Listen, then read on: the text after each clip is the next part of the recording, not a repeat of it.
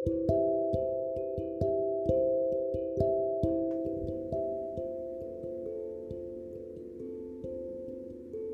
itu begitu sepi.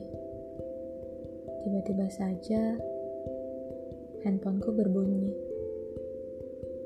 Ternyata ada pesan darinya. Dia mengatakan, "Hai, apa kabar?"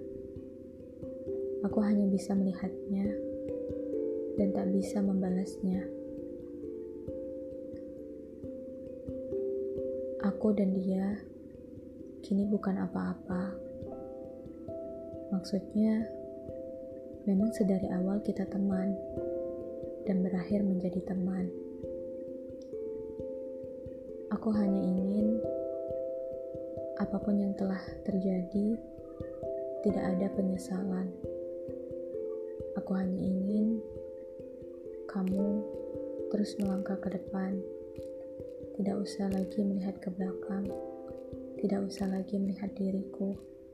Karena kini aku telah baik-baik saja. Karena kini aku tidak menyesali apa pun yang terjadi. Perjalanan panjang, kita akan menemukan beberapa kekecewaan. Namun, dari sana aku belajar dan bertumbuh. Kepada kamu, Aku ucapkan terima kasih.